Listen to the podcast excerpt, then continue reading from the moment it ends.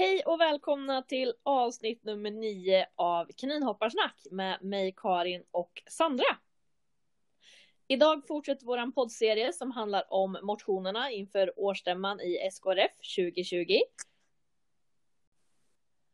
Ha, vi har ju delat in de här lite grann eh, för att vi ska hinna prata om alla motionerna. Så att idag kommer vi börja prata om motion nummer 11. Ja men vi hoppar väl rakt in eller vad säger du Sandra? Hoppa på!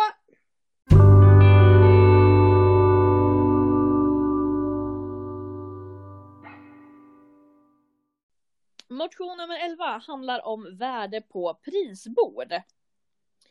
Och den här har väldigt mycket text. Men sammanfattningsvis så säger attsatserna att eh, prisbordets värde ska utgöra minst 40% av intäkterna för aktuell klass. Prisernas värde ska beräknas utifrån inköpsvärde. Det vill säga att om ett pris är inköpt på rea ska reapriset räknas som inköpsvärde. Sponsrade eller skänkta priser uppskattas till ett rimligt värde, om möjligt allra helst enligt sponsors, sponsors tillverkares förslag. Ja.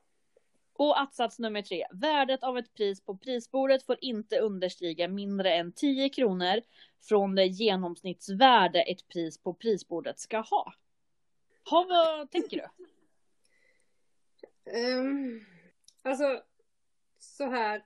Jag är nog inte den som är absolut mest insatt i det här med priser. Jag vet att idag så är det ju att det ska utgöra 40 procent av intäkterna för en tävling är det va? Det är inte per klass utan kan det vara så? Mm. Eh, och det är det som den säger i brödtexten där också att det liksom lämnar mycket utrymme. Eh, jag kan förstå tanken med den här, det gör jag. Som sagt, jag är inte jätteinsatt i den och därför känner jag så, oh, absolut bifall, absolut avslag. Du har säkert mer att komma med än vad jag har i det, detta läget. Det jag tänker på bara spontant sådär är ju faktiskt att även om det följer rätt lätt procentsatsen, det här med 40 procent, men starterna idag har ju i många klubbar blivit dyrare, vilket också gör att priserna borde höjas lite, men jag kanske inte spontant ser det på prisbordet, om jag ska så uttrycka det. Så, sen vet jag inte om den här kommer kunna ändra det så mycket, men eh, jag tycker det är en god tanke med motionen, det får jag nog säga. Ja, men jag håller med och just det här som motionen säger att man har inte sett över det här på många år. Eh, och dagens formuleringen är också 40 procent av intäkterna för aktuell klass faktiskt. Eh, och sen så står det ju att eh, om man då räknar att dela ut de dyraste priserna så är det ju deras värde man ska gå på. Vilket också gör att det kan ju skilja väldigt mycket eh, på vad priserna är värda. Eh, och det jag tänker är så jag, jag förstår tanken och just det att de vill få upp egentligen nivån på de billigaste priserna med den sista attsatsen där. Men jag tänker att det blir väldigt svårt till exempel eh, på SM. Eh, för då måste ju alla ha väldigt, väldigt lika värde. Att det blir mycket svårare med priser till de tävlingarna. Och generellt just det här en tävling där du behöver många priser om det är många klasser, det är kupper eller liknande, då har du inte samma spelrum att idag, om vi säger att snittvärdet ska vara 50 kronor, ja men jag kan faktiskt ha ett pris för 100 som kan vara lite större. Men om snittvärdet då är 50, då kan jag inte ha någonting under 40. Eh, Medan idag kan man ju ha lite mer spelrum så att säga. Så att jag, jag köper tanken och jag skulle vilja ha in någonting, men jag vet inte riktigt hur jag skulle vilja att formuleringen ska se ut. För jag tror att just det här med 10 kronor kan vara ganska svårt att få det bra i praktiken. Och framförallt så tror jag att det skulle krävas väldigt mycket jobb av det som handlar priser för att det här ska funka, funka i praktiken också. Ja, ja nej men. Nej men alltså så här, det är ju inte, det är jag tycker det, det, är ju, det väcker ju intressant tanke. Jag skulle nog behöva klura lite mer på exakt hur jag skulle vilja ha det, men jag tror ändå att det här är en motion som är värd att fundera ordentligt på. Och just det här att de som faktiskt handlar priser då funderar på hur, hur funkar det är det fler i klubben som handlar, hur skulle det fungera i praktiken då? Eh, kommer det här göra att man i princip bara kan köpa ett visst pris som kostar en viss summa? Kommer det göra att prisborden blir tråkigare med inte lika mycket fantasi? Ja, för jag, jag tror snarare det är där vi, alltså, där vi hamnar idag. Att jag tror att många, jag menar alltså man lite har, åh gud vad negativ jag låter, men man har lite tröttnat på prisborden för att det är samma saker. Ja. Det är så här, ja det finns en avdelning för typ godis och sen finns det en för kaningodis och sen finns det rosetter och sen finns det lite, ja men schampo och så. Alltså, Selar. ja selar.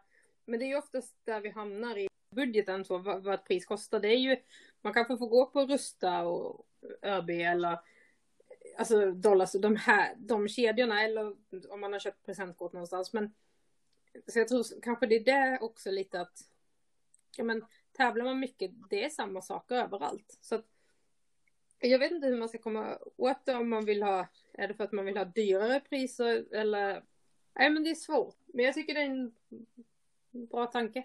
Ja, jag håller med. Någon typ kanske av ändring skulle jag nog vilja ha, men eh, jag, jag förstår ändå tanken med den. Känner vi oss redo med att gå vidare till motion nummer 12? Shoot! Och den handlar också om prisbord och den heter Möjlighet till sparpris för alla. Och eh, att-satsen går ut på att sparpris ska erbjudas som alternativ till att ta något från prisbordet på samtliga tävlingar. Vi ska säga att sparpris är ju att man då väljer att spara den summan. Om, jag men säger att det kanske är 40 kronor för den klassen. Då sparar man de 40, sen kan man samla då. Så att det blir nästa gång om man har två priser då är det 80 kronor och sen fylls det på så att man kan då får man, jag vet inte hur klubbarna gör, vissa kanske ger ut en check, jag vet inte, eller att man får beställa. Jag vet att många förut kanske så här, kan köpa en transportbil för sparpriser eller så.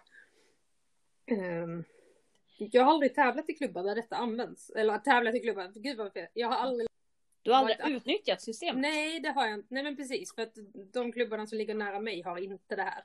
Nej. Och det är så här, åker man till en klubb långt bort som har sparpris. Det är ju inte så att jag väljer att ha sparpris och sen kommer jag dit en gång om året. Det blir liksom inte så mycket av det. Det, det som jag tänker är ju just att alltså sparpris. Jag tänker så här att jag tycker att det är fel att vi centralt ska bestämma hur alla klubbarna ska göra. Mm. Det är nog min grundtanke i det hela. Sen tycker jag ju sparpris är en bra idé. Men det blir ju väldigt svårt och jag tänker att intresset lär ju vara olika beroende på olika klubbar. Och då känns det också att en klubb som har väldigt lågt intresse av det här ska tvingas behöva använda det. Det, det tycker jag inte riktigt känns rättvist. Nej men precis, alltså, jag kan förstå den tanken. Det är ju som att man kan ju vända också på det och säga att ja men då ska alla klubbar ha rosetter eller alla klubbar ska ha selar eller alltså okej okay, jag kanske drar det lite extremt. Mm. Men det blir ju lite samma, alltså så.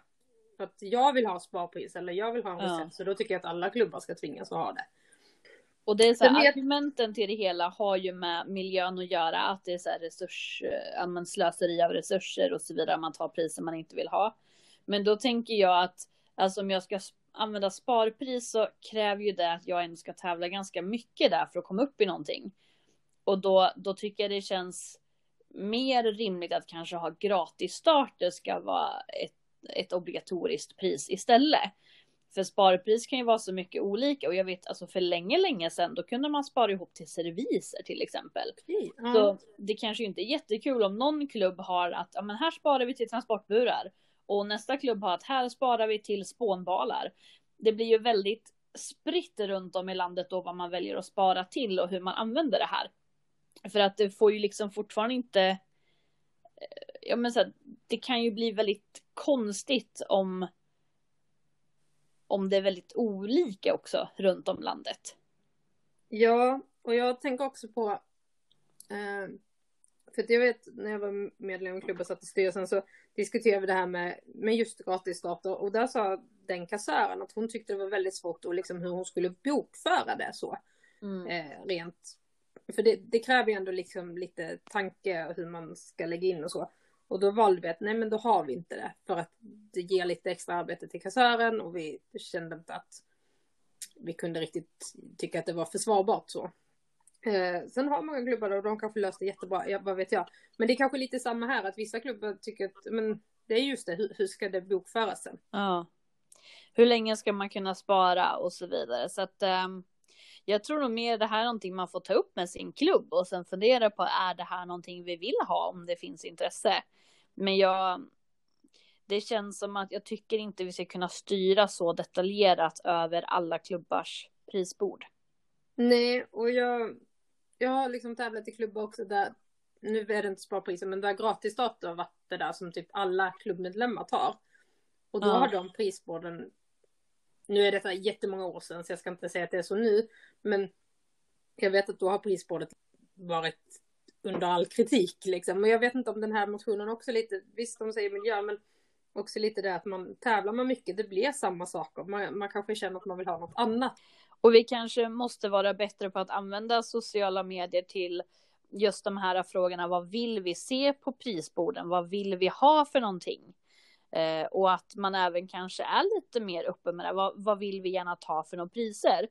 Och då kanske framförallt också för som till exempel sparpriser ska den som får första priset få samma alltså kostnad i sitt sparpris som den som tar sista placeringen.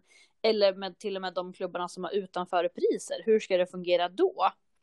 Så att eh, jag tänker att ja, det kan nog bli lite svårt.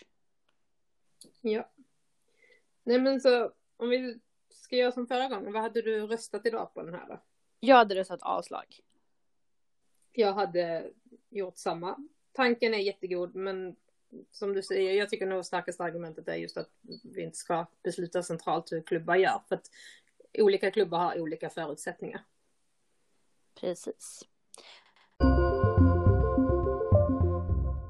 Då går vi vidare till motion nummer 13 som handlar om medlem i sin CERT-region. Och att-satsen till den säger att medlemmar i SKRF är medlemmar i sin CERT-region. Finns det fler klubbar inom regionen får medlemmen välja fritt. Vill man vara medlem i en klubb utanför sin SERT-region måste ansökan till förbundsstyrelsen göras. Vilka som ska ha för avsikt att godkänna alla med giltig anledning. Förbundsstyrelsen bedömer vad som gäller som giltig anledning. Ja, och den här är ju för oss egentligen mm -hmm. väldigt eh, aktuell med tanke på att jag bor i Örebro, tävlar för Värmlands kaninhoppare. Och du bor i Uppsala och tävlar för Stockholms kaninhoppare. Jag var ju tvungen att tänka två sekunder där. Jag vet. Jag har bytt ett antal under mina år som kaninhoppare. Eh, och är det här Karin för att vi vill slippa det ideella arbetet? Nej. Nej.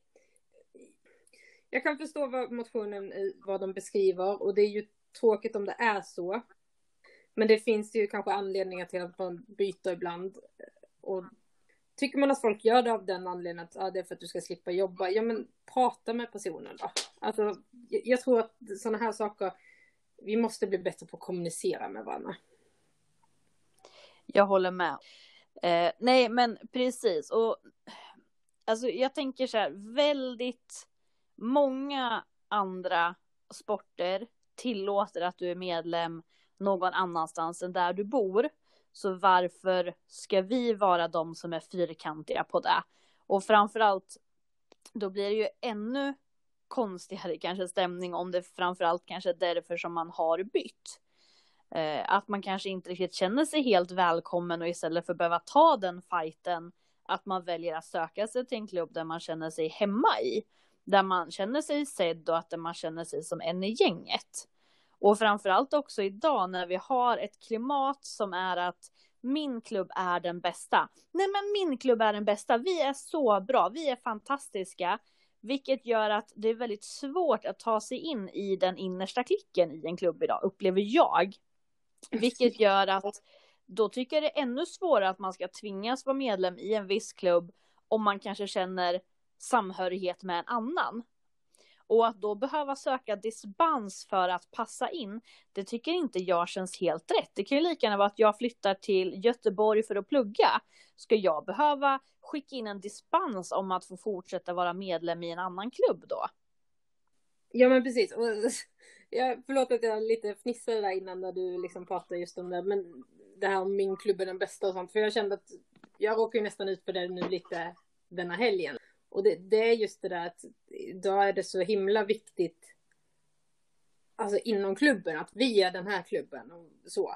Men jag tror att vi måste bli bättre mellan klubbarna också. Och, och kanske framförallt inte se våra, alltså se medlemmar och se varje individ som att du tillhör den klubben så du får inte vara med oss. Alltså så kan vi inte hålla på. Och det är lite det vi pratade om förra gången med om att vi någonstans är ett förbund först och främst. Och att vi är medlemmar i förbundet. Och sen är vi uppdelade i klubbar för att lättare kunna organisera. Men vi måste ju hjälpas åt. Mm. Och, och försöka fundera på varför ser det ut som det gör. Och, och det jag känner lite med den här motionen är att man vill komma åt ett problem. Och då så försöker man att lösa det med det här. Fast man glömmer bort att majoriteten av de som kanske väljer en annan klubb har en helt annan anledning än att man inte vill hjälpa till med det ideella arbetet. Och då blir det lite som att, ja men vi, vi sätter in den här regeln för då täcker det in några få. Och sen så um, får de där andra ansöka om dispens. När det kanske egentligen är de där första man ska komma åt och, och försöka lösa det istället. Och sen kan det ju även finnas väldigt många anledningar till varför man inte klarar av ideellt arbete på samma sätt. Och framförallt idag när vi har alltså en väldigt stor andel människor som lider av psykisk ohälsa, som kanske ser kaninhoppningen som sin, som, alltså en tillflyktsort där man känner här kan jag faktiskt få vara mig själv en stund, men inte orkar den alltså bördan som det kanske blir då med ett ideellt arbete just då. Ja men så är det. Och det är ju, ska vi gå in på det så är det ju en av, alltså min främsta anledning. Så här, jag har varit, alltså hållit på aktivt ideellt inom kaninhoppning väldigt många år. Jag menar både du och jag har suttit i förbundsstyrelsen, i klubbstyrelse och så och när jag brakade in i väggen, alltså just det här att då orkade jag knappt åka till exempel utomklubbs och som det är så, så ska man hjälpa till på den egna tävlingen. Så att varje tävling jag åkte på, den arrangerade jag. Mm. Och jag klarade inte det rent psykiskt. Jag kunde inte ens, när jag var som värst så kunde inte jag sitta och döma en klass på tio starter. Det gick inte. Um, och liksom, då kände, då kände jag mig snarare som en belastning för min egen klubb. Det var så jag kände. Och där och då är det dessutom ganska svårt att prata om det. Vissa är väldigt öppna med med sin ohälsa. Andra har väldigt svårt med det. Och jag vet ju själv att jo, men när, när jag inte mådde bra så jag förstod det inte själv, utan det var ju först efteråt jag började inse vad det var som hade hänt och hur man hade mått och så vidare. Så att det är väldigt svårt då att göra en ansökan om varför när man kanske inte riktigt vet själv varför. Det kanske bara känns bäst. Och om då förbundsstyrelsen ska bedöma vad som är en giltig anledning och jag kanske inte har en anledning på pappret, ska jag behöva bli nekad mitt medlemskap då på grund av att någon annan inte tycker att jag ska vara medlem där? Nej men precis och, och sen också, alltså tror jag vi måste vara öppna med att det är inte en perfekt värld kaninhoppningen, Det finns konflikter mellan folk, mellan medlemmar och då kanske det också är anledningen till att man byter för att man är så här. Jag, jag kan inte.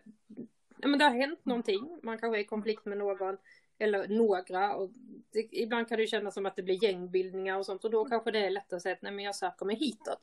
Som du säger för att man känner sig mer inkluderad där mm. eller så och det det kanske är hårt att säga men, men så är det ju. Vi är inte perfekt.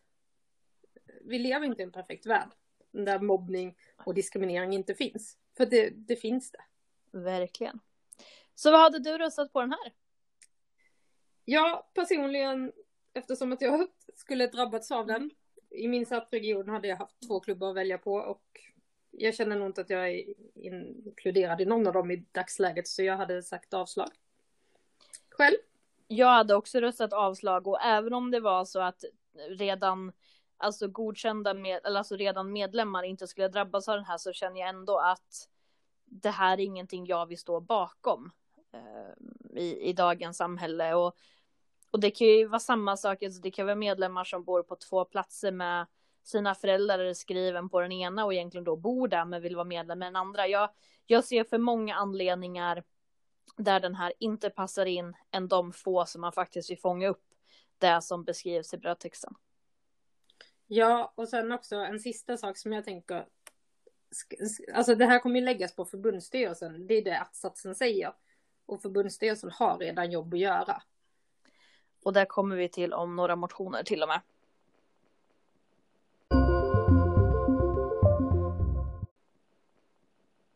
Vi hoppar väl vidare till motion nummer 14 som handlar om förbundsarrangemang. Och att-satsen säger att man ska ändra paragraf 87. Och den ska ändras till under de dagar svenska mästerskap, domarkonferens och jubileumstävlingen pågår får inga andra officiella tävlingar, klasser inom SKRF arrangeras. Ej heller helgen för årsstämman med undantag för eventuellt stämmantävling. Den dag Agria Cup arrangeras får inga andra elitklasser hållas inom SKHRF. Mm. Och regleringen då mot idag. Vad är ändringen? Det är jubileumstävlingen va? Den är inte med idag. Nu ska Nej, vi precis. Och sen så är det väl, det står ju bara ostämman för här står det ju sen med undantag för stämmotävling. För ja. idag så har vi ändrat lite med stämman. Att mm. vi kan välja att ha stämmotävling eller annan, an, andra aktiviteter. Ja. Um, ja, vad tänker du? Ja, men, jag, jag, tycker det är bra att det regleras mm. så. Det gör jag och de tilläggen, ja, why not? Alltså det, det jag tänker är ju att om man tänker vilka saker som man tar upp här. SM, självklart, det är egentligen det högsta vi har i tävlingsväg inom vårt förbund. Självklart ska den vara tävlingsfri. Domarkonferensen, den är redan reglerad. Jag tycker det är jättebra för att en domarkonferens ska ju förespråka att klubbarna vill skicka iväg sina domare till konferensen. Eh, så den tycker jag är jättebra. Jubileumstävlingen känner väl jag kanske lite mer äh, till. Um, den har nog tappat sitt värde lite va? Ja. Och det är så att jubileumstävlingen. Är det var tionde år vi har den? Eller jubileums... Jag tänker till och med på jubileumskuppen. Så precis, du tänker på jubileumspokalen egentligen. Ja, ja precis. Jubileumstävlingen. Ja. Ja. Ja, alltså... Ja, men... Ja, jag bryr mig inte. det jag tänker är ju också så att när man har en, en tävling som är då så pass att den kan flyttas som jubileumstävlingen, även om man har den ungefär på samma, så kan det ju bli att den även krockar med klubbars befintliga stora arrangemang. Det kanske till och med är att klubbar har samarbeten med vissa företag, att de ska alltid tävla där, för då får vi sponsring i form av det här. Och har vi då en, ännu en som gör att de inte får arrangera någonting så kan det bli ganska känsligt. Och framförallt med tanke på att jubileumstävlingar, som du säger någonting som kanske har tappat lite. Vi arrangerar den ganska sällan. Vi har ett väldigt avlångt land. Um, så att den känner nog kanske inte jag ett, ett krav av. Och i sådana fall kanske sån, man har samma som på Agria då att man vill kunna reglera elitklass eller någonting. Men vet heller inte hur jag känner. För nu ska vi se, hur blir den formulerad? Alltså ej helgen för årsstämman. Vilket gör ju då att om man som klubb arrangerar årsstämman på lördagen och sen väljer att ha arrangemang på söndagen som inte är en tävling, då ska man heller inte få arrangera någonting på någon annan ställe.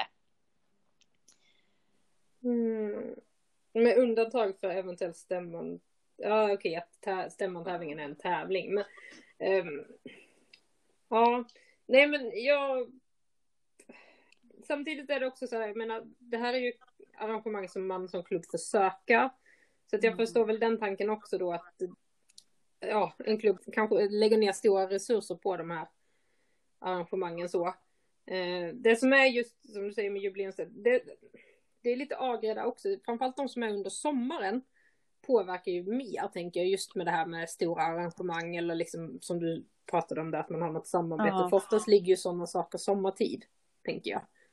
Och då Mm. kanske egentligen är den vägen man ska gå att om man vill arrangera någonting i samband med då jubileumstävlingen eller söndagen på stämman helgen att de arrangemangen kanske faktiskt ska ansökas om. Att om det Ja. är något speciellt evenemang, att det inte bara är så ja men vi, eh, nu har isen smält från våran grusplan så nu kan vi äntligen tävla igen, utan att det faktiskt är att det här är en mässa, det här är ett stort publikevent som vi kan samla medlemmar på och så vidare. Ja men precis. Nej, men ja, faktiskt. Nej men jag skulle kunna tänka mig att um, att-satsen ser ut som den gör. Fast eh, kunna ha då bifall med ändring att eh, du kan ansöka om att ha tävlingssamband samtidigt som jubileumstävlingen eller dagen efter årsstämman. Mm. Så skulle jag kunna tänka mig en ändring. Det hade jag röstat på.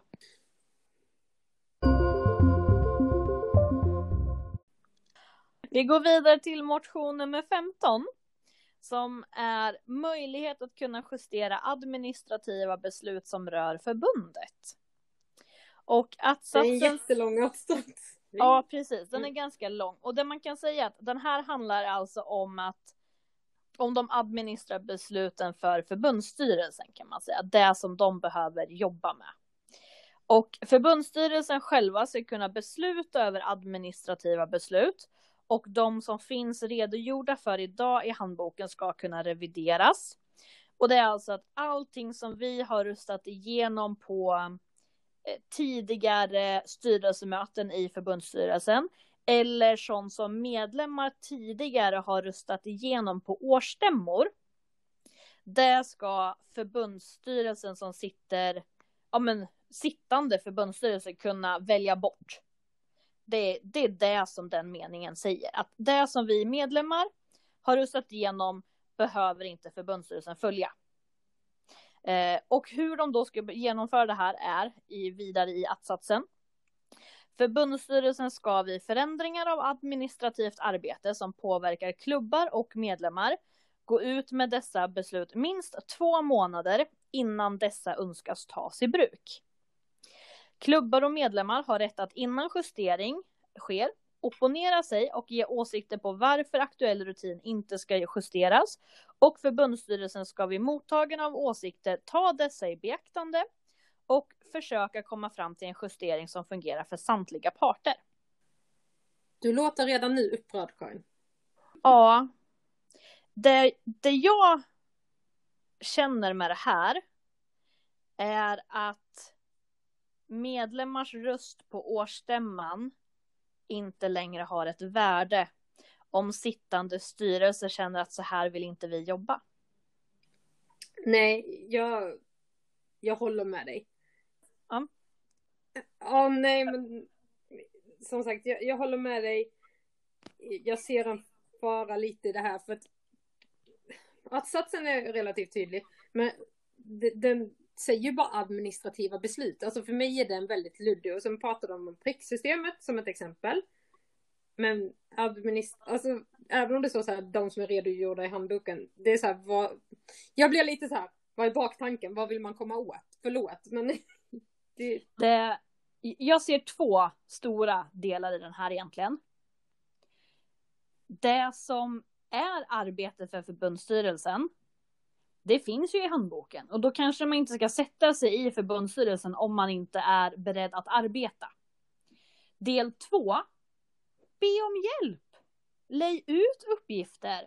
Alltså ser vi på förr i tiden när vi hade ganska mycket administrativt arbete, när varje protokoll granskades för hand, när allting gjordes för hand, då var ju allt sånt här utlejt. Vi hade protokollgranskare, vi hade folk som körde pricksystem, vi hade folk som gjorde det här och det här och det här.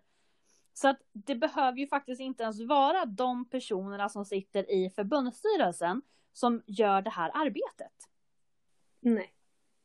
Och jag, alltså jag kan som sagt, den enda erfarenheten jag har att, att ta på det är ju just när jag också satt i förbundsstyrelsen och jag, jag såg inte att det här var ett problem, om jag säger så. Alltså, det står tydligt i handboken och det är ju också så, nu får du rätta mig om jag har fel, men att är det någonting som verkligen så kan skada kaninerna, då har man väl rätt att ändra, om jag tänker rätt. Men det kanske är reglementet. Mm. Men,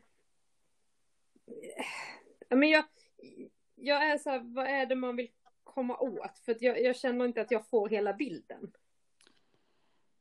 Nej, och det som jag tänker är att så som det dessutom är skrivet är att okay, klubbar ska kunna få komma med sina åsikter.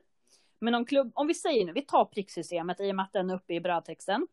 Om man, ja, men vi vill inte längre ha pricksystemet för att vi vill inte administrativt sköta det. Och om klubbarna säger, men vi vill ha kvar pricksystemet då? Det, är så här, det står att de ska försöka hitta en mellanväg, men om mellanvägen inte går att finnas då? Kommer det då vara så att förbundsstyrelsens röster ska gå över medlemmarna när våran organisation allra högst upp i bilden har ordet förbundsstämman? Då helt plötsligt så sätter sig förbundsstyrelsen ovanför förbundsstämman och det går emot vårat grundväsen. Ja, det gör det. Och då är frågan, går den här motionen ens att rösta om? Lite så funderar jag på. Faktiskt. För att ja, men så stämman är ju, du har ju ostämma, eller årsmöte, men ostämma, och sen har du ju styrelse, sen har du ju en revisionen. Det är ju de tre delarna som liksom ska finnas. Men just, och ostämman är ju som du säger, det är ju högsta. För all, mm. och det är alla medlemmars rösträtt. Um, Alltså där, jag kan ju bara, i mitt jobb så jobbar jag inom en 4H-gård och det är också en ideell förening och där jobbar man ju på liknande sätt. Man har en styrelse som är ideell. Eh, men där finns det ju ingen handbok och jag kan säga det att det, det ger problem det också. Så att vi mm. var snarare glada för att vi har en handbok. Visst, det är mycket stämmobeslut i den. Det är det. Men jag lovar att det är så mycket lättare att ha tydliga riktlinjer än att inte ha dem alls. Jag tänker så här, någonstans i våra stadgar så är jag hundra på, för att jag vet, alltså nu var det ett tag sedan jag läste stadgarna, så jag ska väl inte säga hundra, men så som alla stadgar som jag har sett tidigare, de har en punkt om vad styrelsen gör. Och den första punkten i den brukar alltid vara att, att styrelsen ska verka för att besluten fattade av årsstämman ska genomföras. Och det jag känner är att den här motionen går i sådana fall rakt emot det som är grundväsendet för en styrelse. Och står det så i våra stadgar, som jag måste kolla upp, då är det här egentligen stadgebrott och då tycker inte jag att vi, vi ens kan rösta igenom det. Nej. Utan då får man ju se till att styrelsen tar hjälp av medlemmar som är villiga att göra det administrativa som de inte är villiga att göra. Ja, eller att när man sätter sig i förbundsstyrelsen faktiskt är medveten om att det kräver jobb. Det finns jobb och allt jobb är inte superkul. Jag har varit protokollgranskare. Jag har gjort sånt innan jag ens satt i styrelsen också. Så att... Men du nu ska vi se. Nu har jag faktiskt plockat fram stadgarna. För jag känner att jag pratar alldeles för mycket stadgar för att Paragraf 8 i våra stadgar, där står det om styrelsen. Eh, och först står det typ hur de sammanträder, att det ska föras protokoll, hur de är beslutsmässiga och så vidare. Och sen står det i en egen punkt, styrelsen ska arbeta för, typ som jag sa, att årsstämmans fattade beslut verkställs. Ja, det var ganska klart och tydligt. Ja. Och, nu har vi inte sett stadgeändringar. Om det har kommit in några sådana. Jag vet att det finns ett samlat dokument. Jag tänker om ja. det kan finnas som en ändring. Men, men jag håller faktiskt med dig när vi nu börjat diskutera det. Att jag, jag, nej men från början. Det här är tyckte, farligt. Ja, exakt. Det här är jättefarligt. Var försiktiga med det här. Jag gick ju in nu på SKRFs hemsida för att hitta stadgarna. Och då när man går in på vår, om SKRF, så går vi till vår organisation. Där sitter det verkligen en bild där förbundsstämman är högst upp och sen där under kommer förbundsstyrelsen. Och där sen under kommer kommittéer och så vidare. Mm. Och bara den bilden gör ju då att den bilden kan vi ju ta bort. I sådana fall får vi ju justera om den och sätta förbundsstyrelsen högt upp om det är så man vill ha det. Så att eh, det här känns farligt. Jag hade röstat avslag. Ja, nej men jag tror ändå vi var ganska tydliga där, så jag tror vi går vidare.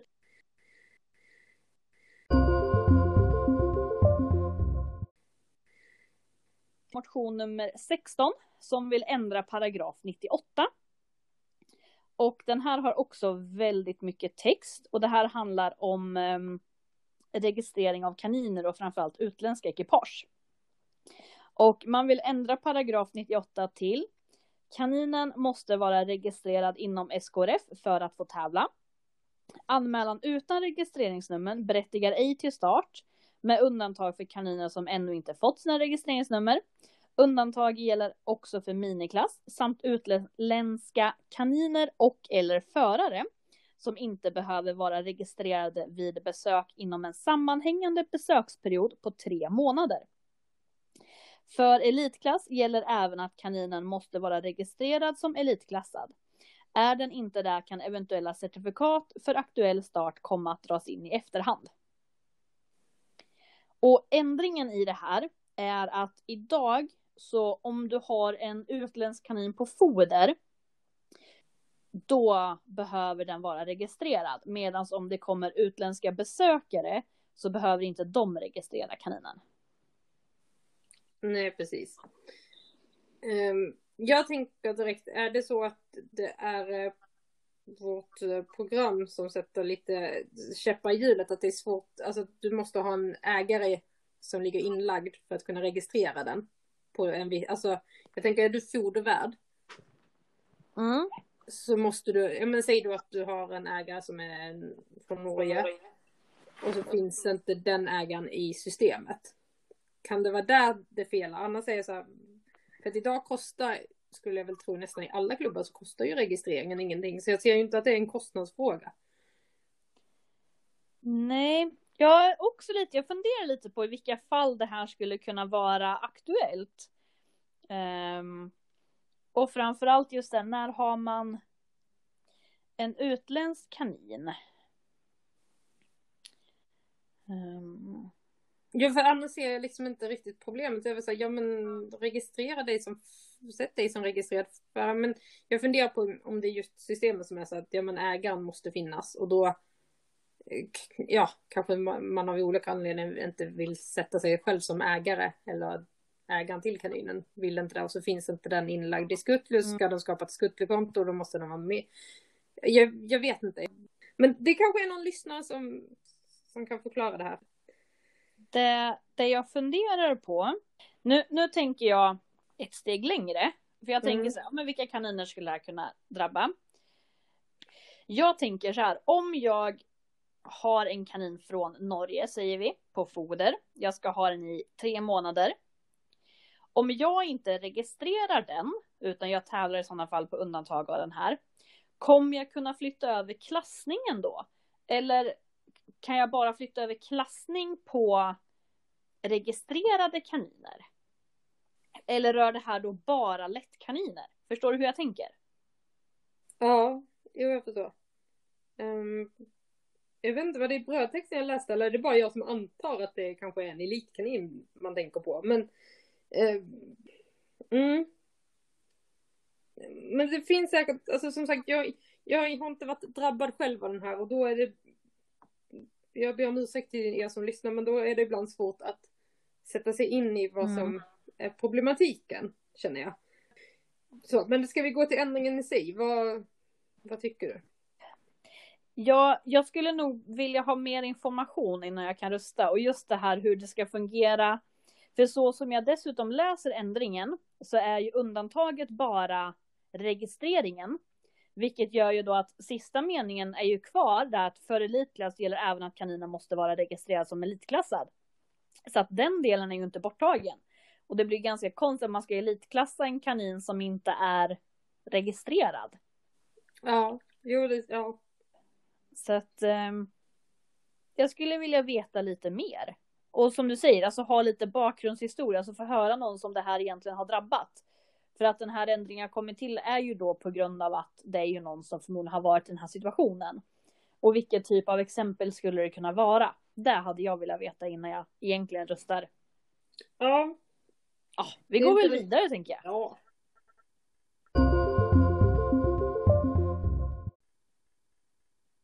Vi kör motion nummer 17, Domarkommitténs bestämmande rätt. Och eh, här handlar det om att, eh, att domarkommittén ska ha en bestämmanderätt. Vilket gör att eh, i då när det gäller domarläger, domarrapporter, domarkonferens, uppdatering av domare och anmälningar och dispenser ska DK få beslutanderätt i det som deras ansvar enligt ovan. Och då är det alltså uppstiltat inom de punkterna eh, vad det är de kan få bestämma om. Vissa so saker står det att de ska skicka till förbundsstyrelsen för godkännande och andra saker kan de då själva meddela direkt. Jag är nog ja. lite anti på den här. Alltså jag, ja, jag hade jag kan... avslag. Ja, och det här. Jag har tänkt på direkt så här också för att vi ska gå tillbaka till den här bilden. Årsstämman överst och sen har vi förbundsstyrelsen och sånt. Det jag tänker att man ska vara noga med här och veta om är ju att kommittéerna är in, alltså vilka som sitter i kommittéerna. Det har inte medlemmarna någon beslutande rätt i. Mer än sammankallande va? Men, Precis. men det är ju det som skiljer förbundsstyrelsen, att den har beslutande rätt är för att den är vald på stämman av medlemmarna. Så Precis. tänker jag.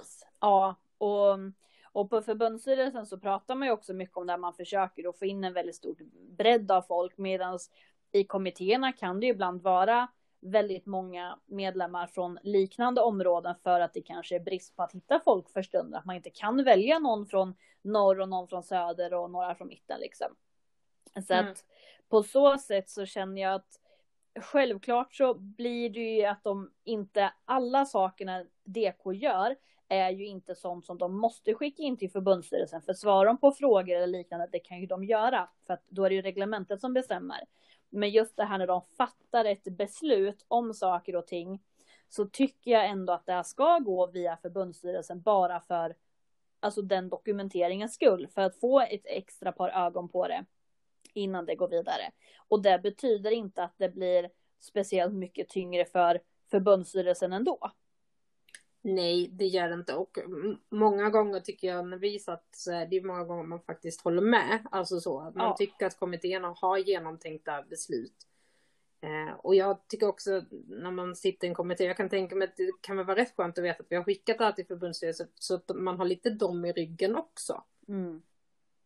Men min tanke är direkt att jag vet inte heller om det här går just för att kommittén är inte vald av medlemmarna. Jag Gud vad vi låter tråkiga och hårda men alltså jag tror att det är så. Och det, jag har suttit i DK. Jag, jag vet hur det är och även just det liksom att då behöva lämna vidare och du har ju suttit i eh... dåvarande avelsgruppen AG. Precis, jag bara vad hette den då? Eh, så att vi har ju ändå jobbat både i kommitté, alltså utseende och även i förbundsstyrelsen. Så att um, jag, jag, tror nog ändå att det är den vägen som är den lämpligaste att gå som vi faktiskt har och det finns en anledning att kommittéerna inte är beslutsfattande eller vad man ska säga. Så att nej men jag, jag känner mig klar på den punkten. Ja, jag är inne på din linje. Det har varit avslag från mig också.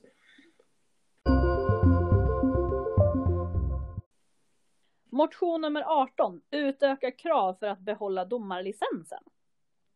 Att-satsen där säger att för att behålla domarlicens krävs det att man måste döma i minst två olika klubbar.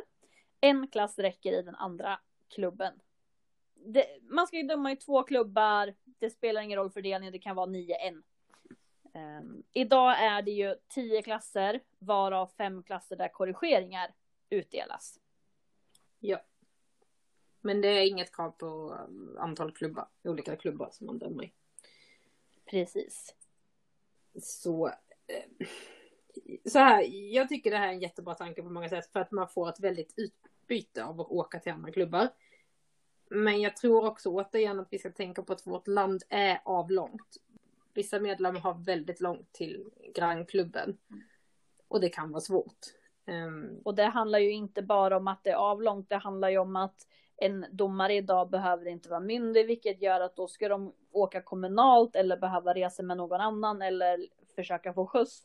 Och de kraven känns lite elaka att sätta. Men, men jag tycker det är egentligen absolut en bra tanke.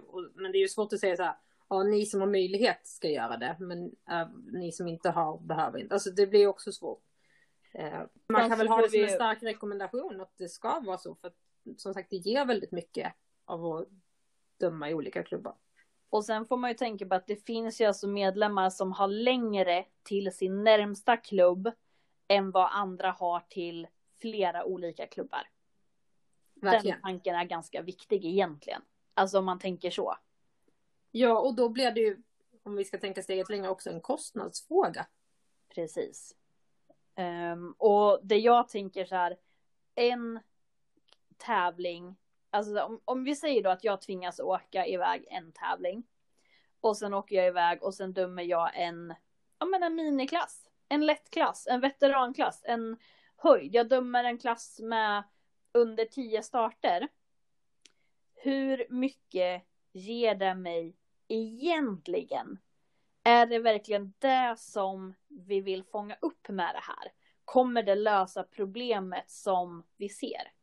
Mm. Det tror jag kanske inte riktigt är samma. Men det är som du säger, man blir lätt alltså lite fast i sina egna hjulspår i sin klubb.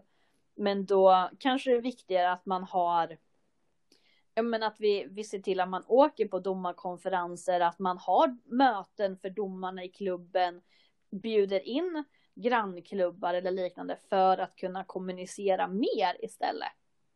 Försöker ha ett mer aktivt forum för domare online och så vidare. Ja. Av det jag har på fötterna idag, bakgrunden och liksom så till den här, så skulle jag säga avslag på den. Men eh, som sagt, hade jag åkt på stämman så kanske någon hade kommit med ett vinnande argument. Men i dagsläget säger jag avslag. Jag håller med. Jag säger också avslag.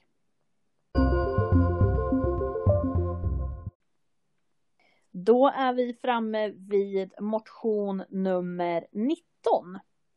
Ej tillåtet att ge råd till domare under pågående klass.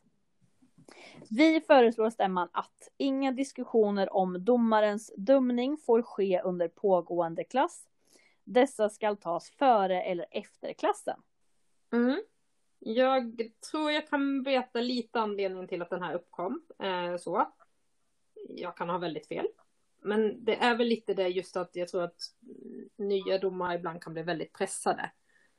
Eh, däremot så tycker jag att det kan finnas en fara i det här med att man inte får Alltså så här är det, vi dömer och vi måste också lära oss att vi ger kritik, men man måste också lära sig ta kritik. Eller negativ feedback, eller kalla vad man vill. Och ett råd kan man ju, det kan ju vara positivt och det kan vara mot det negativa hållet. Men det är viktigt att vi har rätt att få kommentera. Um, jag eh, tycker det här är en väldigt märklig motion när jag inte vet bakgrunden det är väldigt konstigt att man inte skulle kunna få ha en öppen dialog om vad det är som sker. Vi får ju någonstans komma ihåg att det här handlar ju om saker som, ja men det kan ju vara positiva saker, det kan vara negativa saker, det kan vara att man tolkar saken olika. Precis som vi har pratat om det här med att man behöver kunna ha ett utbyte mellan klubbar. Vi har en motion innan som säger att man vill att man ska döma utomklubbs. För att man lätt blir hemmablind i sin hemmaklubb. Och om jag då dessutom inte ens får prata med en domare under en pågående klass om en bedömning som kanske är fel. Då blir ju det väldigt, väldigt konstigt för mig. Eh, och framförallt, vi måste ju kunna ha en dialog. Och där handlar det kanske om att fundera på vad är det som gör att den här dialogen idag inte fungerar? Vad är det ja. som gör att man känner att vi kan inte ha en dialog under klassen? Nej men precis. När man väljer att utbilda sig som domare så tycker jag att det här kanske är en sak man måste tänka igenom. Att man kommer få kommentarer. Så är det. Jag tror inte det finns typ någon domare som inte har, har fått andras åsikter till sig. Och det är något jag tror att man måste vara beredd på att få. Och så här, det är en bedömningssport. Det är ju hur vi väljer att tolka. Och tittar man i brödtexten på den här så står det att det framförallt är nyare domare som har blivit ifrågasatta. Eh, och, eh, och det har varit då lite hur man, vad som man dömer som en korrigering till exempel. Och det som jag tänker då att när den här regeln kom nu om att korrigeringen skulle alltså omformuleras, att en påbörjad ansats skulle, om, om den stoppas då, att det skulle bli en korrigering om man lyfter alla fyra tassarna. Eh, där blev ju en jättestor diskussion runt om i vårt land. Det var ju filmer på Facebook och på Instagram som man fick kommentera på. Hur hade ni berömt det här? Och inte ens där var ju alla 100% överens. Och då tycker jag att argumentet i brödtexten är ju att en utbildad domare har fått en licens och är kompetent nog att döma på egen hand. Fast om vi inte tolkar sakerna lika eller är säkra i grund och botten, då kan vi ju inte ha alltså en sån regel som säger att man inte kan få diskutera med varandra. Det kan ju bara vara en sån sak att eh, man som domare liksom tittar ner två sekunder för att kolla vad tiden är eller liknande. Och sen så när man kollar upp har man missat någonting. Och då kanske man dömer fel utifrån det man såg för man missade någonting. Och då blir det också, ska, ska man då inte som förare eller publik få säga någonting om det? Det, det går emot hela våran bedömningssport då.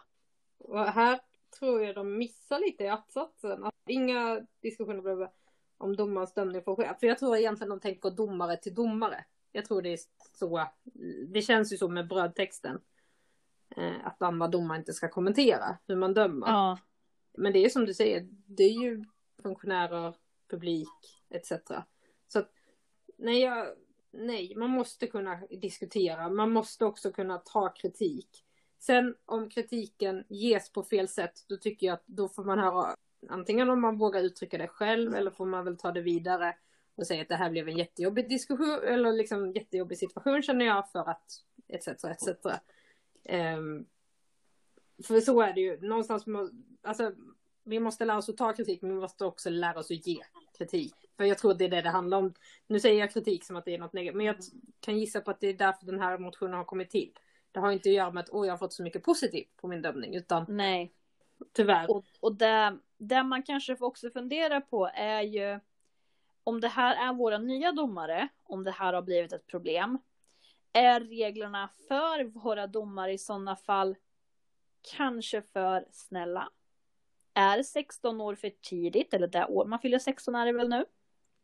Är det för tidigt för att kunna känna att man har tillräckligt mycket kött på benen om någonting händer? Eh, för det är lite där det handlar om, alltså som domare så behöver jag känna mig bekväm med mina beslut, oavsett vad beslutet är. Och just det att jag kan förklara varför jag har tagit det här beslutet. Och det här är någonting som jag har fått gjort många gånger, alltså under åren, att man ändå har fått visa, ja men det, just det att, ja men det är så här på grund av det här. Och det kan ju vara allt ifrån då att någon går ens bana och har kommentarer och att man känner att okej, okay, du tolkar det så, men nu tolkar jag det så här på grund av det här och därför kommer jag ha kvar det. Eller att jaha, ser du på det så? Okej, okay, jag tänkte så här från början, men det du säger, det håller jag med om. Jag tar och ändrar det. Att så fort det kommer råd eller kommentarer så behöver ju det inte vara att jag måste justera mig. Men jag måste ju ha tillräckligt mycket kött på benen så att jag känner att jag klarar av att argumentera. Jag kan stå för det här beslutet på grund av det här. Eller för att fortsätta med en så här. Eller är det för att vi gamla domare är för bitchiga? Det kan ju vara så också. Nej men precis. Nej och det kanske är en åldersfråga, vad vet jag. Um, Eller jag... bara att vår utbildning kanske egentligen är lite för snäll. Vi kanske skulle ha mer förberedande och mer efterredet höll jag på att säga. Men alltså mer förberedande uppgifter och kanske några fler uppgifter efter innan man är helt färdig. Ja, ta, ha uppgifter om hur man tar och ger kritik. Jag vet inte liksom men. Eh... Bara med det här diskussion. Alltså bara okej, okay, du har fattat det här beslutet, du får nu den här kommentaren. Mm. Vad kan du prata om? Hur hade du argumenterat? Alltså. Ja men precis, för det är inte lätt att vara ny domare alltid och liksom få Eh, så, det vet jag själv när jag, när jag var ny. Men säga så här, våga stå på sig, det är ju lätt att säga också, men um, jag tror att med den här motionen så kan det bli väldigt mycket problem, så tror jag. Men, men jag tycker också, har man blivit orättvist behandlad, då tycker jag att man ska ta det vidare, för det är inte heller rätt. Nej. Så vill jag säga. Um, idag så skulle jag rösta avslag på den här, för att jag, jag ser ändå en, eller så här, jag, jag ser vikten av att vi faktiskt kan diskutera vi måste kunna hjälpa varandra och att vi ger varandra råd. Det ska ju inte vara att hela bedömningen av domaren förändras. För någonstans måste domaren i sig vara så pass säker att man kan ta råd utan att allting förändras. Sen kan vi väl ge det bästa tipset eller bästa rådet tycker jag så här. Bli bättre på att ge varandra beröm också när det går mm. bra. Eller när man gör något bra. Jag tror kanske det är där vi hamnar idag. Men det, det är en annan diskussion.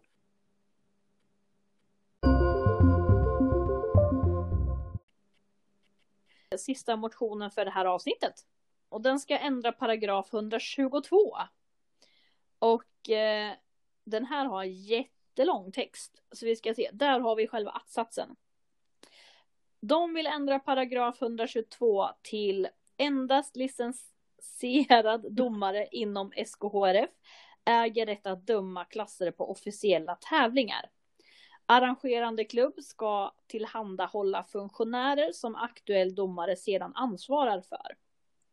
Aktuell domare och tidtagare äger rätt att hoppa sina egna kaniner i pågående klass enligt paragraf 62. Och ändringen är att tidigare så är paragraf 122 så här aktuell domare och tidtagare får ej deltaga i pågående klass. Mm. Eh, vilket då säger emot paragraf 62, det är det de argumenterar för här. Att... Precis. Och, och där handlar det lite om så här, vad är delta, vad är tävla och så vidare. Det är lite där man vill komma åt. Ja. Och paragraf 62 skulle jag tro att det är att domare och tidtagare får hoppa sina kaniner utom tävlan va? Precis. Eh, ja. Du har säkert en åsikt. Jag är såhär, ja, ja, ja, bifall, jag har inga problem. alltså jag tror väl att det här egentligen blir en ganska bra kombination av de här två. Blir det inte det? Jag tror det. Ja. Um... Karin tänker här om ni tycker att det luktar Ja, precis. Nej, för alltså det det handlar om är att vi har ju 122 idag, den reglerar ju grunden. Och sen så har man ju en 62 som rör just utom tävlan som säger att domare och tidtagare får hoppa utom tävlan i den klassen man själv dömer. Och då är ju det även inklusive sin egen klass medans jag tror att det då är 61 som kanske reglerar utom tävlan i sig självt, att då får man ju bara klass, tävlar under. Mm. Nej men det är väl en bra förtydligande att sätta ihop dem, att de har kontakt de två paragraferna. Ja men jag tror det. För jag, jag kan förstå vad de menar också, alltså, det säger emot sig, liksom att de har inte rätt att delta. Eller då, vilket man då tolkar som tävla eller starta i den klassen. Ja. Och sen säger 62 att jo fast utom tävlan. Så att, mm. nej, ja men bifall säger jag enkelt. Du vet, jag är så... Wow. Ja. Tänk Nej, inte så mycket, med. det går bra. Den, den gick ganska fort den där sista i alla fall. Är den enda vid bifall av de här tio? Nej, vi hade väl flera. Hade vi det? Ja. ja. Vi får göra en sammanställning sen i sista avsnittet. det har gått. Jag hade ju någon bifall med ändring någonstans där, tror jag också. Ja. Så att, äh. Ja, nej men och sen bara som en liten sån här extra grej. Det här är våra personliga åsikter. Det har ingenting med vilka som har skickat in breven höll jag på att säga. Vi vet ju inte det och det Nej, behöver precis. vi inte veta heller. Jag kan och... ju känna att jag blev väldigt personlig där vid ena motionen så. Så att vi får se. Men... Eh... Och det, det handlar väl lite om hur vi ser på det, både som medlemmar men även från att ha suttit i utskott och suttit i förbundsstyrelsen. Att det här är så vi tolkar dem med den texten som står i själva motionen. När man kanske inte riktigt har grundidén bakom. Att man skriver ju såklart vad tanken är i själva bakgrundsdelen där. Men att det är svårt att veta exakt när man kanske då inte har scenarion. För det har vi sagt på några motioner att vi hade kanske velat veta vilka exempel det här hade kunnat rört sig om för att kunna svara helt exakt. Och det är det som är så bra väl på stämman för då skulle jag tro att i 95 procent av de här fallen så får man reda på hela bakgrunden till en motion. Och varför Precis. den är skriven som den är. Men där Ja. har vi lite avsnitt nummer två i våran lilla poddserie om motionerna inför stämman. 2020. Till motion 20. Nej men eh, hoppas att ni vill fortsätta följa oss i vår poddserie och sen så hörs vi i avsnitt nummer tre. Precis. Vill ni halshugga oss, gör det via Instagram eller mejlen. Kaninhopparsnack. Kaninhopparsnack.gmail.com Jaha, du tänkte ge ut hela? Jajamän, plötsligt händer det. Jag har ju lärt mig vad vi har nu. Har du kollat i den också? Nej.